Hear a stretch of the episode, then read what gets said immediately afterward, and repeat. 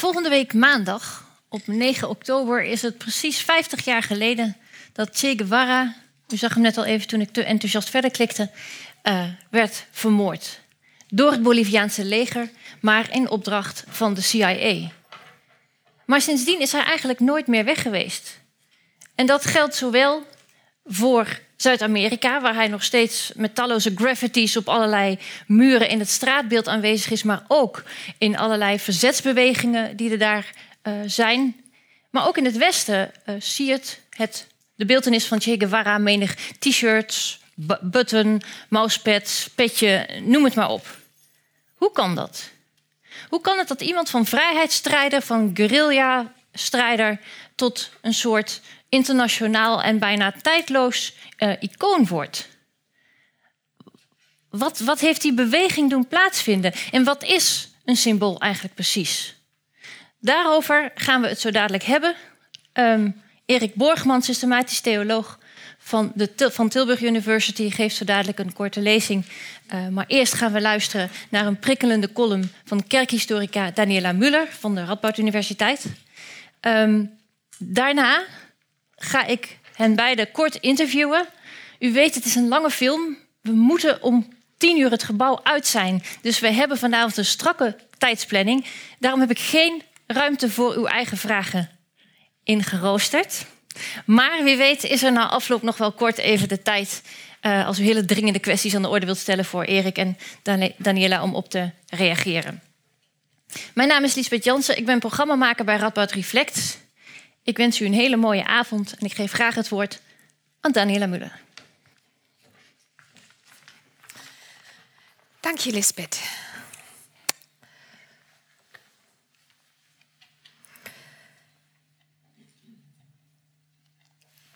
Ze hebben hem netjes afgelegd. De verveelde haren zijn geknipt. Daar doet zich helaas niks. Ah, toch. De verveelde haren zijn geknipt, zijn verwilderde baard is bijgepunt, gezicht en lichaam zijn gereinigd van de sporen van de rimboe. Ze hebben ervoor gezorgd dat zijn ogen open blijven. En daarom kijkt de meeslepende charismaticus de eeuwigheid in en drukt aan de wereld van pijn, ongerechtigheid en ellende. De trofee is klaar. De fotografen mogen aanrukken. De buit ligt gereed voor nadere inspectie. De overeenkomst met de stilering van de dode Christus van Andrea Mantegna. Was dit opzet?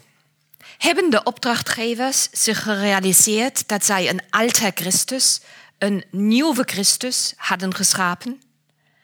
Dat zij een icoon van de politieke verlossing in het leven riepen. De moord werd in de loop van de middag van 9 oktober 1967 uitgevoerd door een dronken onderofficier van het Boliviaanse leger in het schoolhuis van het oerwoorddorpje La Higuera. Het zal de ironie van de geschiedenis zijn dat de opdrachtgevers voor deze moord zelf de aanzet tot de cultus rond Ernesto Guevara de la Serna gaven. Ernesto, die Che genoemd werd, naar de gewoonte van de Argentijnen om in hun zinnen telkens een korte bevestiging Che in te vlechten. De boeren van La Higuera, die hem niet geholpen of gesteund hadden, maakten nu snel een erealtaar gereed. Misschien een uitdrukking van berouw, misschien een handige zet om het toerisme op gang te brengen. Behalve de foto's is er het in memoriam, uitgesproken door Fidel Castro op 18 oktober in Havana, ten overstaan van honderdduizenden toehoorders. Che werd een mythe, een mens van onberispelijke levenswandel. Fidel houdt het de mensen voor. En zijn formule wordt klassiek. Zo worden als Che, de mens van de toekomst, voorbeeld voor alle tijden. Che, de nieuwe Christus, is gestorven voor het ideaal van de nieuwe mens. Het is de Christus met de karabijn, zoals de Oost-Duitse dichter en zanger Wolf Biermann het verwoordt in zijn lied van Commandante Che Guevara. Of zoals de filosoof Jean-Paul Sartre het uitdrukt, de meest volmaakte mens van deze tijd. Een revolutionair die nooit een religieuze legitimatie voor zijn handelen aanreikte, die zich liet leiden door een militant humanisme, zelfs voor het doden van mensen niet terugschrok, werd een tweede Christus? Hoe kon het zo ver komen? De stilering was evident. Sartre zag in Che Guevara een volkomen overeenstemming van denken en handelen, van theorie en praxis. Geleefde ascese als uitdrukking van revolutionaire gezindheid, gekenmerkt door een verachting van consumptie, het geld, de afgoden van de macht. Radicaliteit in pathetische toonzetting. En dan de analogie met Christus. De dood in Bolivia trof Guevara niet toevallig en evenmin onvoorbereid. In zijn boodschap aan de volkeren der wereld had hij zijn einde voorspeld. Was niet uitgeweken voor het noodlot, maar had de dood welkom geheten als het zou bijdragen tot de verlossing van de mensheid van onderdrukking en uitbuiting. Van het kruis tot de opstanding. Dat kan ook van Che worden gezegd. In zijn Boliviaanse dagboek voltrekt zich de dramatiek van de verlosser wiens missie uitloopt op de mislukking. Andrew Sinclair, historicus van de guerrilla-beweging, zegt het zo. Zijn citaat: Het dagboek onthult de naakte, gekruisigde, onaangepaste Che. Een groot mens die zijn mannen in beweging probeert te houden terwijl hij de naderende dood onder ogen ziet. Citaat einde. En was hij niet ook verraden, zoals Christus, door degenen die hij bevrijden wilde? Che, de seculiere verlosser, wiens morele zuiverheid tot bovenmenselijke proporties was opgetild door Fidel Castro. En zo kon hij tot projectievlak dienen. Hij mocht fungeren als quasi goddelijke legitimatie van het geweld in de strijd om de gerechtigheid. Als hij smetteloos was, dan gold dat ook voor het geweld dat hij zelf had gepropageerd en dat uiteindelijk geen legitimatie op zich meer nodig had. De Christus met de karabijn, de gewapende Christus, was dan ook niet langer een tegenstelling in zichzelf, aangezien Che als guerrillero de zuiverheid personifieerde. Maar kan een dergelijke stilisering wel slagen wanneer de feitelijke gezindheid van Che hiervoor geen aanknopingspunten biedt? Was hij soms meer dan een revolutionair? Vooral meer dan een marxistische revolutionair. Toen hij in 1966 in een interview verklaarde, in Che's woorden, in wezen gaat het niet zozeer om de revolutie die ik verdedig, mij is het veel eer te doen om de mens. Citaat einde. Het vrijwillige zelfoffer is bij hem een terugkerend motief. Zo zegt hij, men draagt de revolutie niet op de lippen om haar te verkondigen. Men draagt haar in het hart om voor de revolutie te sterven. Che. Zelfs in zijn theorie van de guerrilla blijkt deze gerichtheid op het offer van het eigen leven. Voor Che is de partij niet de initiator, motor of coördinator van de revolutie, maar het is de opstand zelf. De guerrilla is de kern van zijn theorie en kern van zijn handelen. Een kleine, goed gedraaide en vastbesloten groep komt in actie om de schijndemocratie van Latijns-Amerikaanse dictaturen te ontmaskeren. De groep, maar ook het individu, zijn tot elk offer bereid, ook en misschien vooral het offer van het eigen leven. Dat offer kan zelfs doelgericht worden ingezet om het vuur van de noodzakelijk revolutionaire gezindheid te doen opleien. En opnieuw de ironie van de geschiedenis. De tegenstander van de consumptiecultuur is inmiddels een inkomstenbron van de popart geworden. Tje op koffiemokken, tje op slips, tje op mauspads. Voor ons in het Westen is Che inmiddels vooral een popfiguur. Zijn portret schept de sfeer voor linksliberale zelfstilering, hooglopende discussies, melancholie over voorbije tijden. Met een tweede Christus schieten wij weinig op. De eerste is al moeilijk genoeg. Maar een blik op Zuid-Amerika, zoals Erik Dijkstra het onlangs deed, laat een ander scenario zien. Che nodigt tot navolging in daden uit. Hij inspireert tegen de onderdrukking in. En wat betekent Che nu voor ons? En misschien kunnen we hierover toch nog met elkaar deze avond in gesprek. Dank u.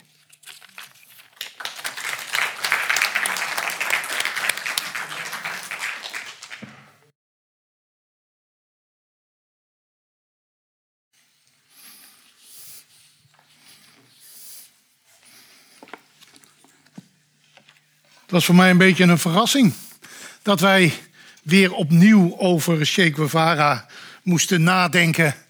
Want is dat nou niet een figuur uit het verleden? In de zin van, is dat nou niet helemaal voorbij? Ja, die popfiguur, die is er nog. Maar ik ben nog eens weer een keer in mijn eigen boekenkast gedoken en, en heb, heb de retoriek teruggevonden. En tegelijkertijd dacht ik, ja, dat zeiden mensen toen met droge ogen. Ze geloofden het echt en ze dachten werkelijk dat de verlossing nabij was, want zo iets was het wel.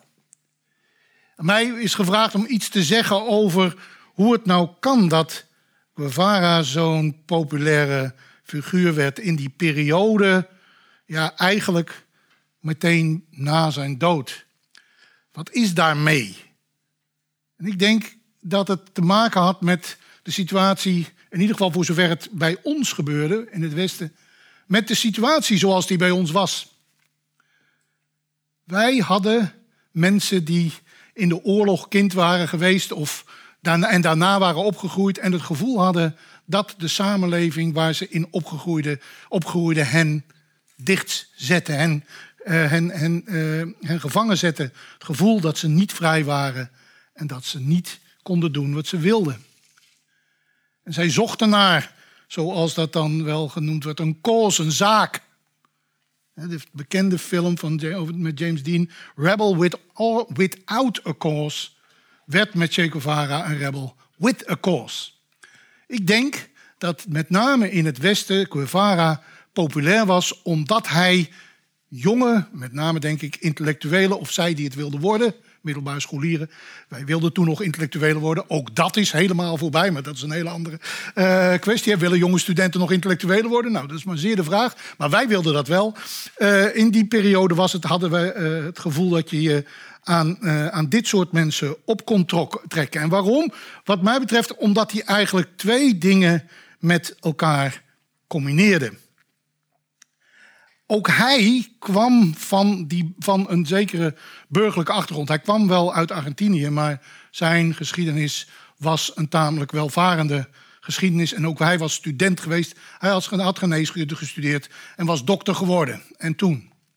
Nou, in de film die u straks gaat zien, gaat het eigenlijk over die eerste periode in zijn leven. Waarin hij nog zelf heel erg zoekt naar wie hij is, wie hij moet zijn, wat hij, wat hij kan doen in, uh, in deze wereld. En daar waar die dan ook het gevoel krijgt dat hij ergens bij hoort. Bij een continent misschien wel. Het is een buitengewoon, en ook dat speelt eigenlijk door alle geschriften van Guevara heen. Als je, als je door dat marxistische jargon, wat soms echt bijna onverteerbaar uh, geworden is, heen kunt lezen, dan zie je een bepaald soort romantisch idee over dat continent en, zijn, en het volk ervan. Het is een afkeer van het idee dat deze mensen voortdurend maar klein gehouden worden en ook verdeeld op een manier die, ze, die voor henzelf eigenlijk niet opschiet. Die landen, er zit, zit in de film ook zo'n scène, en die landen, dat schiet helemaal niet op. Bolivia, wat is dat? Brazilië, wat is dat? Latijns-Amerika, Amerika. Dat, daar moeten we voor staan. Hij wordt van Amerika. Een buitengewoon uh, romantisch idee en tegelijkertijd een idee wat, uh, wat, wat, uh, wat politieke betekenis krijgt. Hij komt op een bepaalde manier zijn eigen volk tegen. In een, uh, in een, stukje op het achterblad van de filmeditie van het boek waar de film op gebaseerd is, wordt Eduardo Galeano, de, de schrijver, geciteerd. En ik zal hem straks nog een keer uh, citeren, maar hier als een soort blurb. Eén reis, vele reizen. Ernesto Guevara op zoek naar avontuur.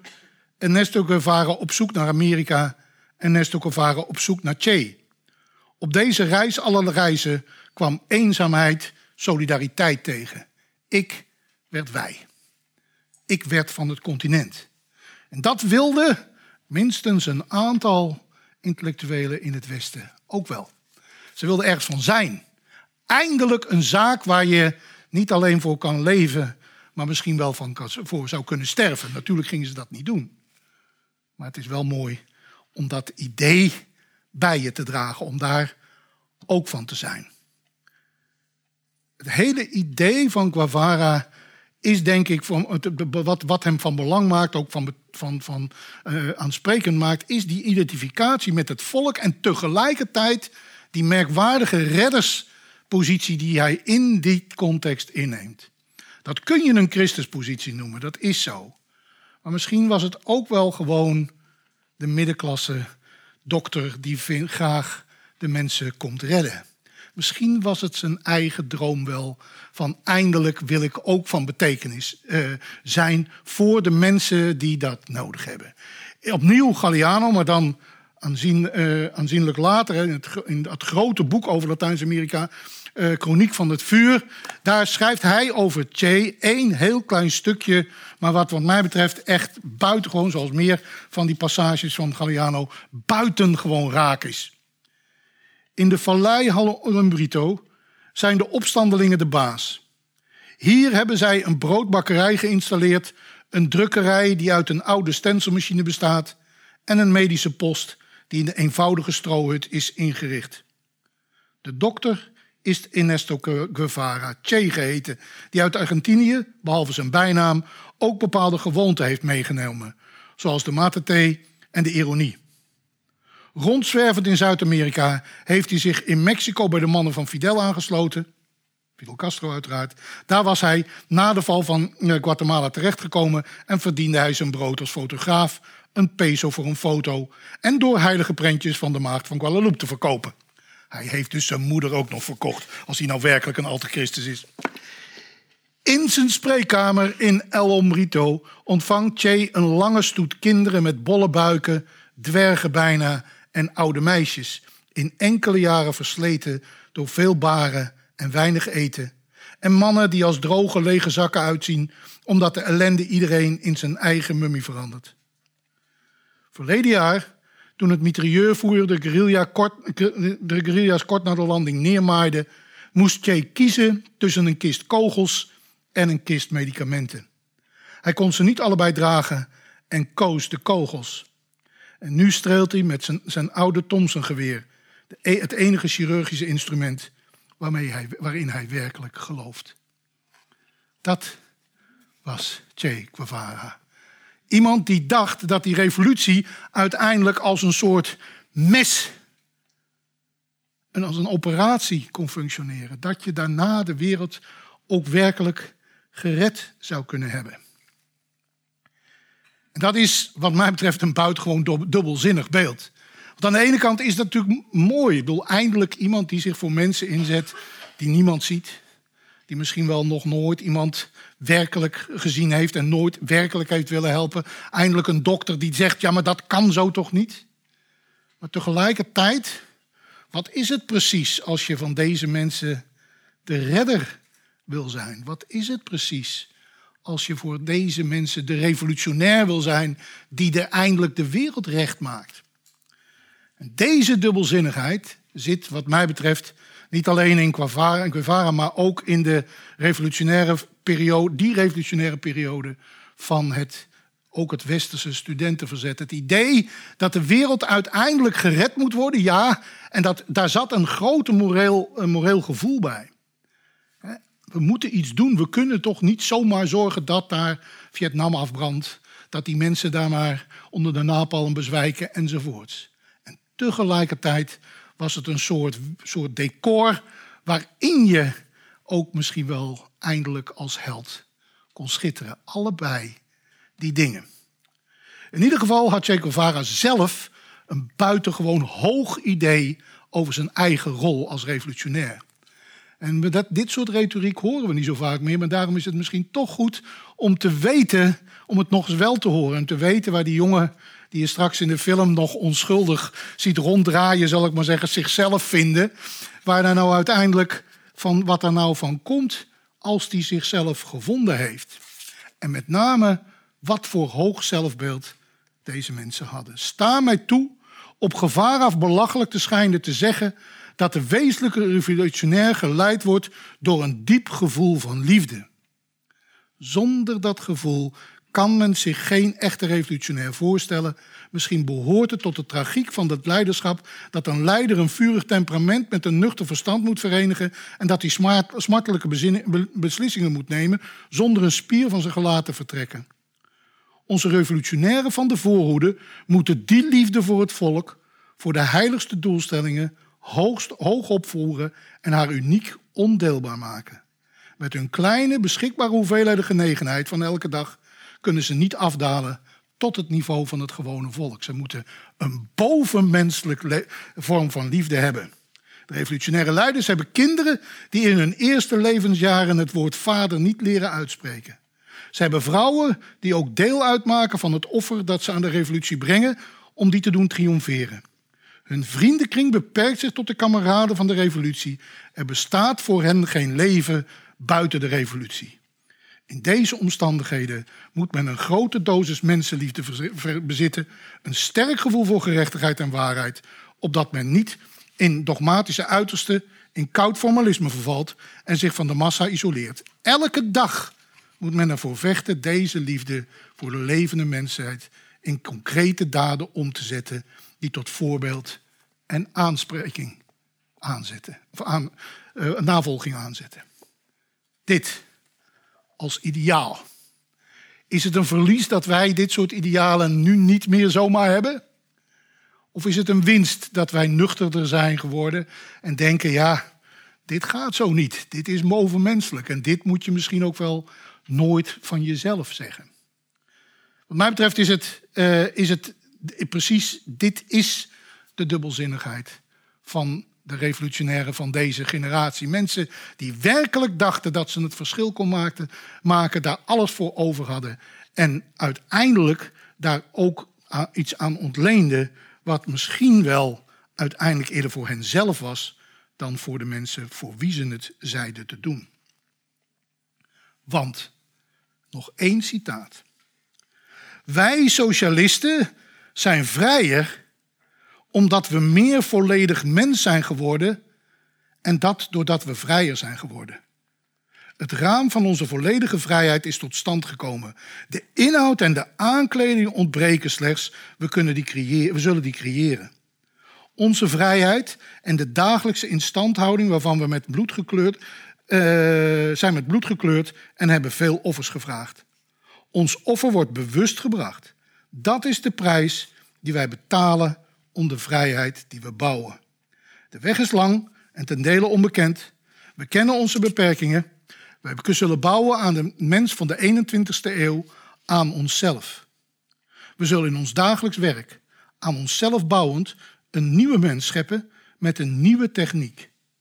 De persoonlijkheid speelt de belangrijkste rol van motor en richtinggever. En hij, als hij de hoogste deugden en aspiraties van het volk belichaamt en niet van die weg afwijkt. Voorop gaat de groep die de weg aangeeft. Dat zijn natuurlijk niet de boeren, maar dat zijn de revolutionairen en de, beroepsrev dat zijn de beroepsrevolutionairen. Voorop gaat de groep die de weg aangeeft. De voorhoede, de beste onder de voortreffelijke. De partij, toch, Danielle. Maar ik ben het met je eens, hij, voor hem gold, was die partij geen bureaucratisch geheel. Hij was de partij op een bepaalde manier.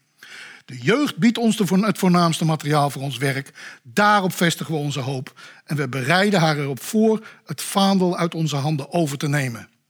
Als deze stuntelige brief, nou enzovoorts, dan sluit hij het af. Omdat het toch een soort, uh, een soort getuigenis is waarom hij revolutionair is. En wat hij daarvan in van belang vindt. Ik vind het fascinerend dat wij een tijd hebben gehad waar ook al duidelijk was dat de, uh, de, de wereld vooral door structuren in elkaar zat en ook door structurele verandering kan worden veranderd, waar tegelijkertijd deze vorm van heldendom werd gekoesterd en aansprak. En ik weet het vaak helemaal niet zeker of het nou een verlies is of een winst dat wij dat zo niet meer doen. We kunnen het zo niet meer doen, daar ben ik van overtuigd. Wij kunnen dit niet met droge ogen over onszelf zeggen. En dat is op een bepaalde manier winst, want dat is realisme. En tegelijkertijd, als je nooit meer denkt dat de wereld echt kan veranderen, als je nooit meer denkt dat je je misschien ergens aan op zou moeten offeren, als er iets nooit meer denkt dat er iets groter is dan jouw leven, wat is dat leven dan? En kan er dan nog wel iets gebeuren wat werkelijk van betekenis is? Nou, hier staan wij ongeveer. Ik vind het buitengewoon interessant dat wij nou een film zien van de jonge Che. Dus niet degene die zich deze dingen permitteerde, maar degene die daar aan het komen is. Blijkbaar kunnen we ons daar makkelijker mee identificeren nu. Degene die niet weet wie die is, die kijkt wat hij moet worden en wat zijn leven waard is. Blijkbaar kunnen we ons daar makkelijker mee identificeren dan met deze vorm van heldendom die denkt dat de wereld morgen echt beter zou kunnen worden. Nogmaals, het is aan u om uit te maken of dat verlies of winst is. Dank u wel.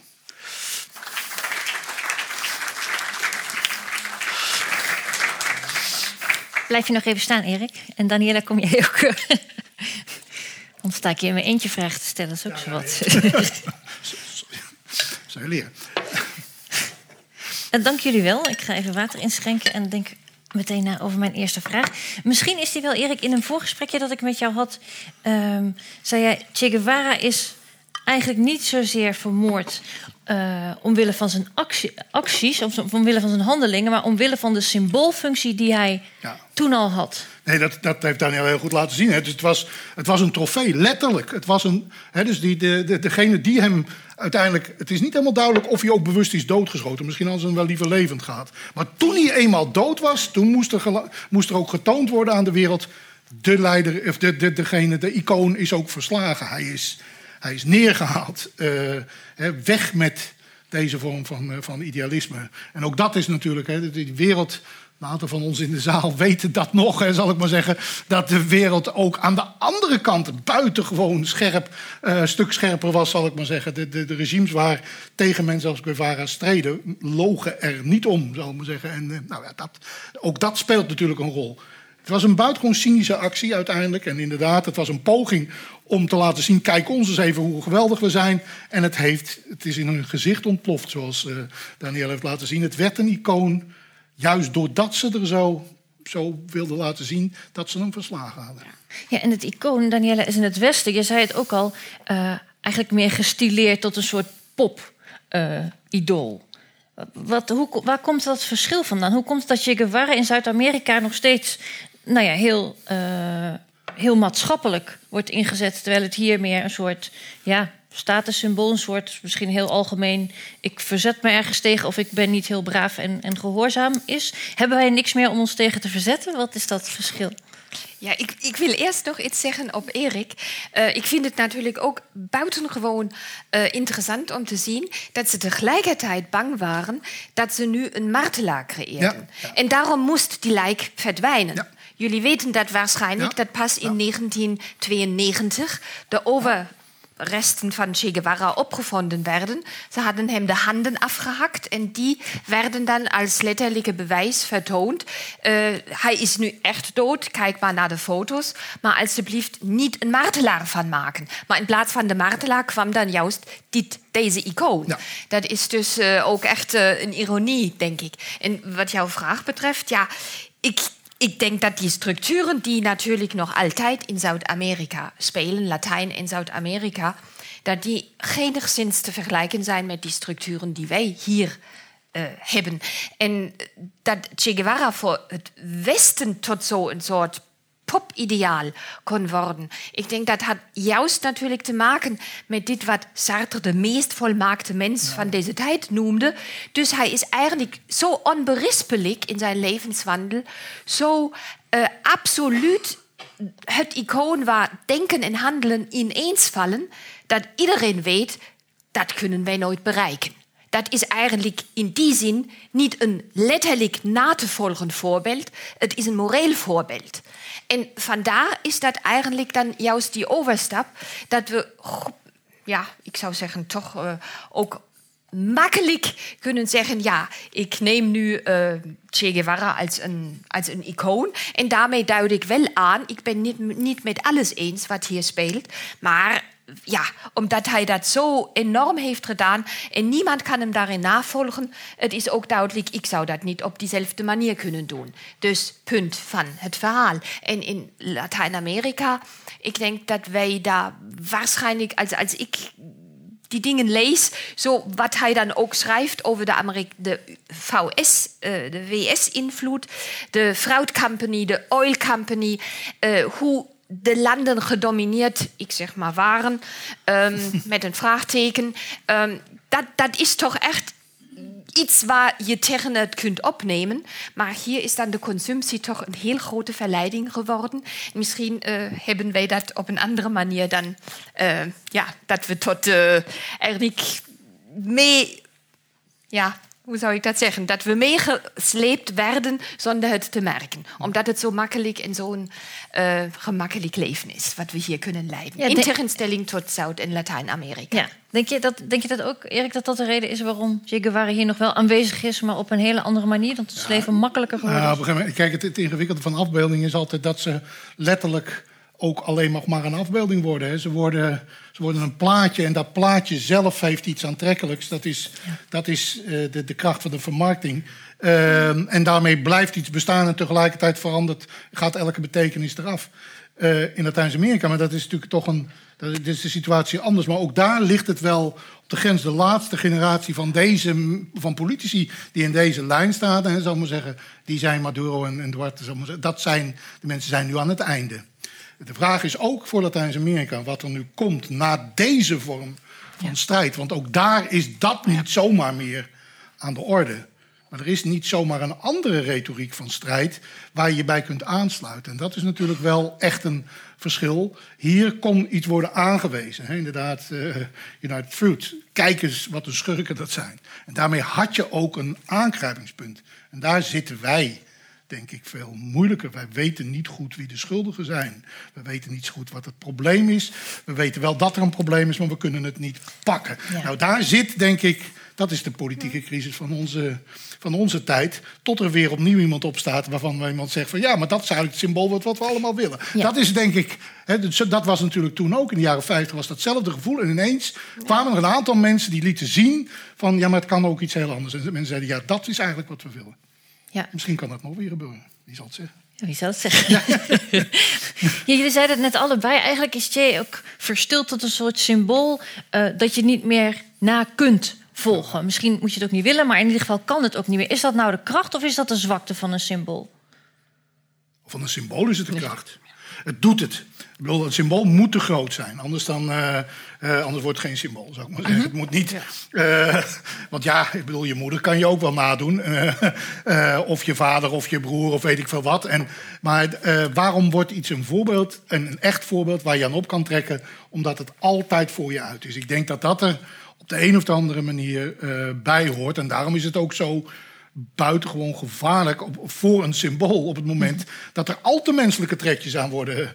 worden hè. Dus ik bedoel, er zijn ook wel onthullingen geweest dat Guevara tijdens de, guerrilla-campagnes ook niet altijd even prettig tegen de boeren opgetreden heeft. Ja, dat is natuurlijk lastig eh, voor eh, iemand met zo'n reputatie. Maar ik denk bij symbolen hoort dat ze te groot zijn. Dat is, ja.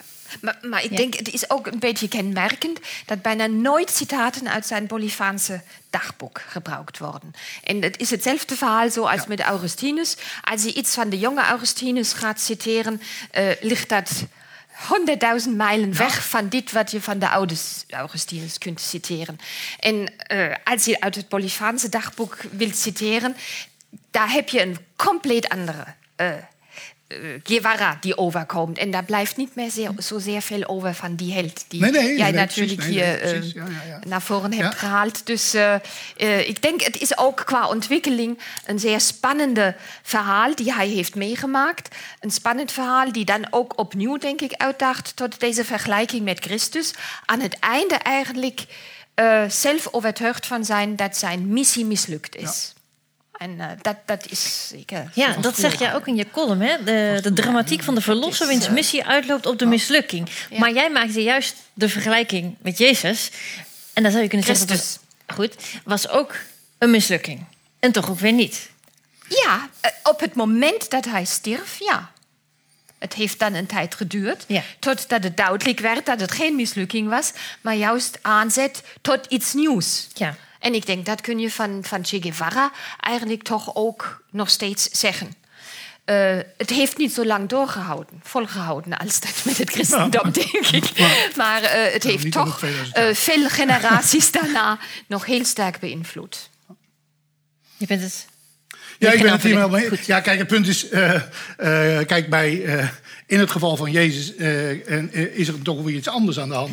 Zou ik maar zeggen, ja, om het maar even heel scherp te zeggen, die is echt opgestaan. Kijk, die is niet alleen maar in de herinnering voor, voortgeleefd, maar daar is iets anders mee gebeurd. Dus eh, een herinnering kan een tijd lang meegaan.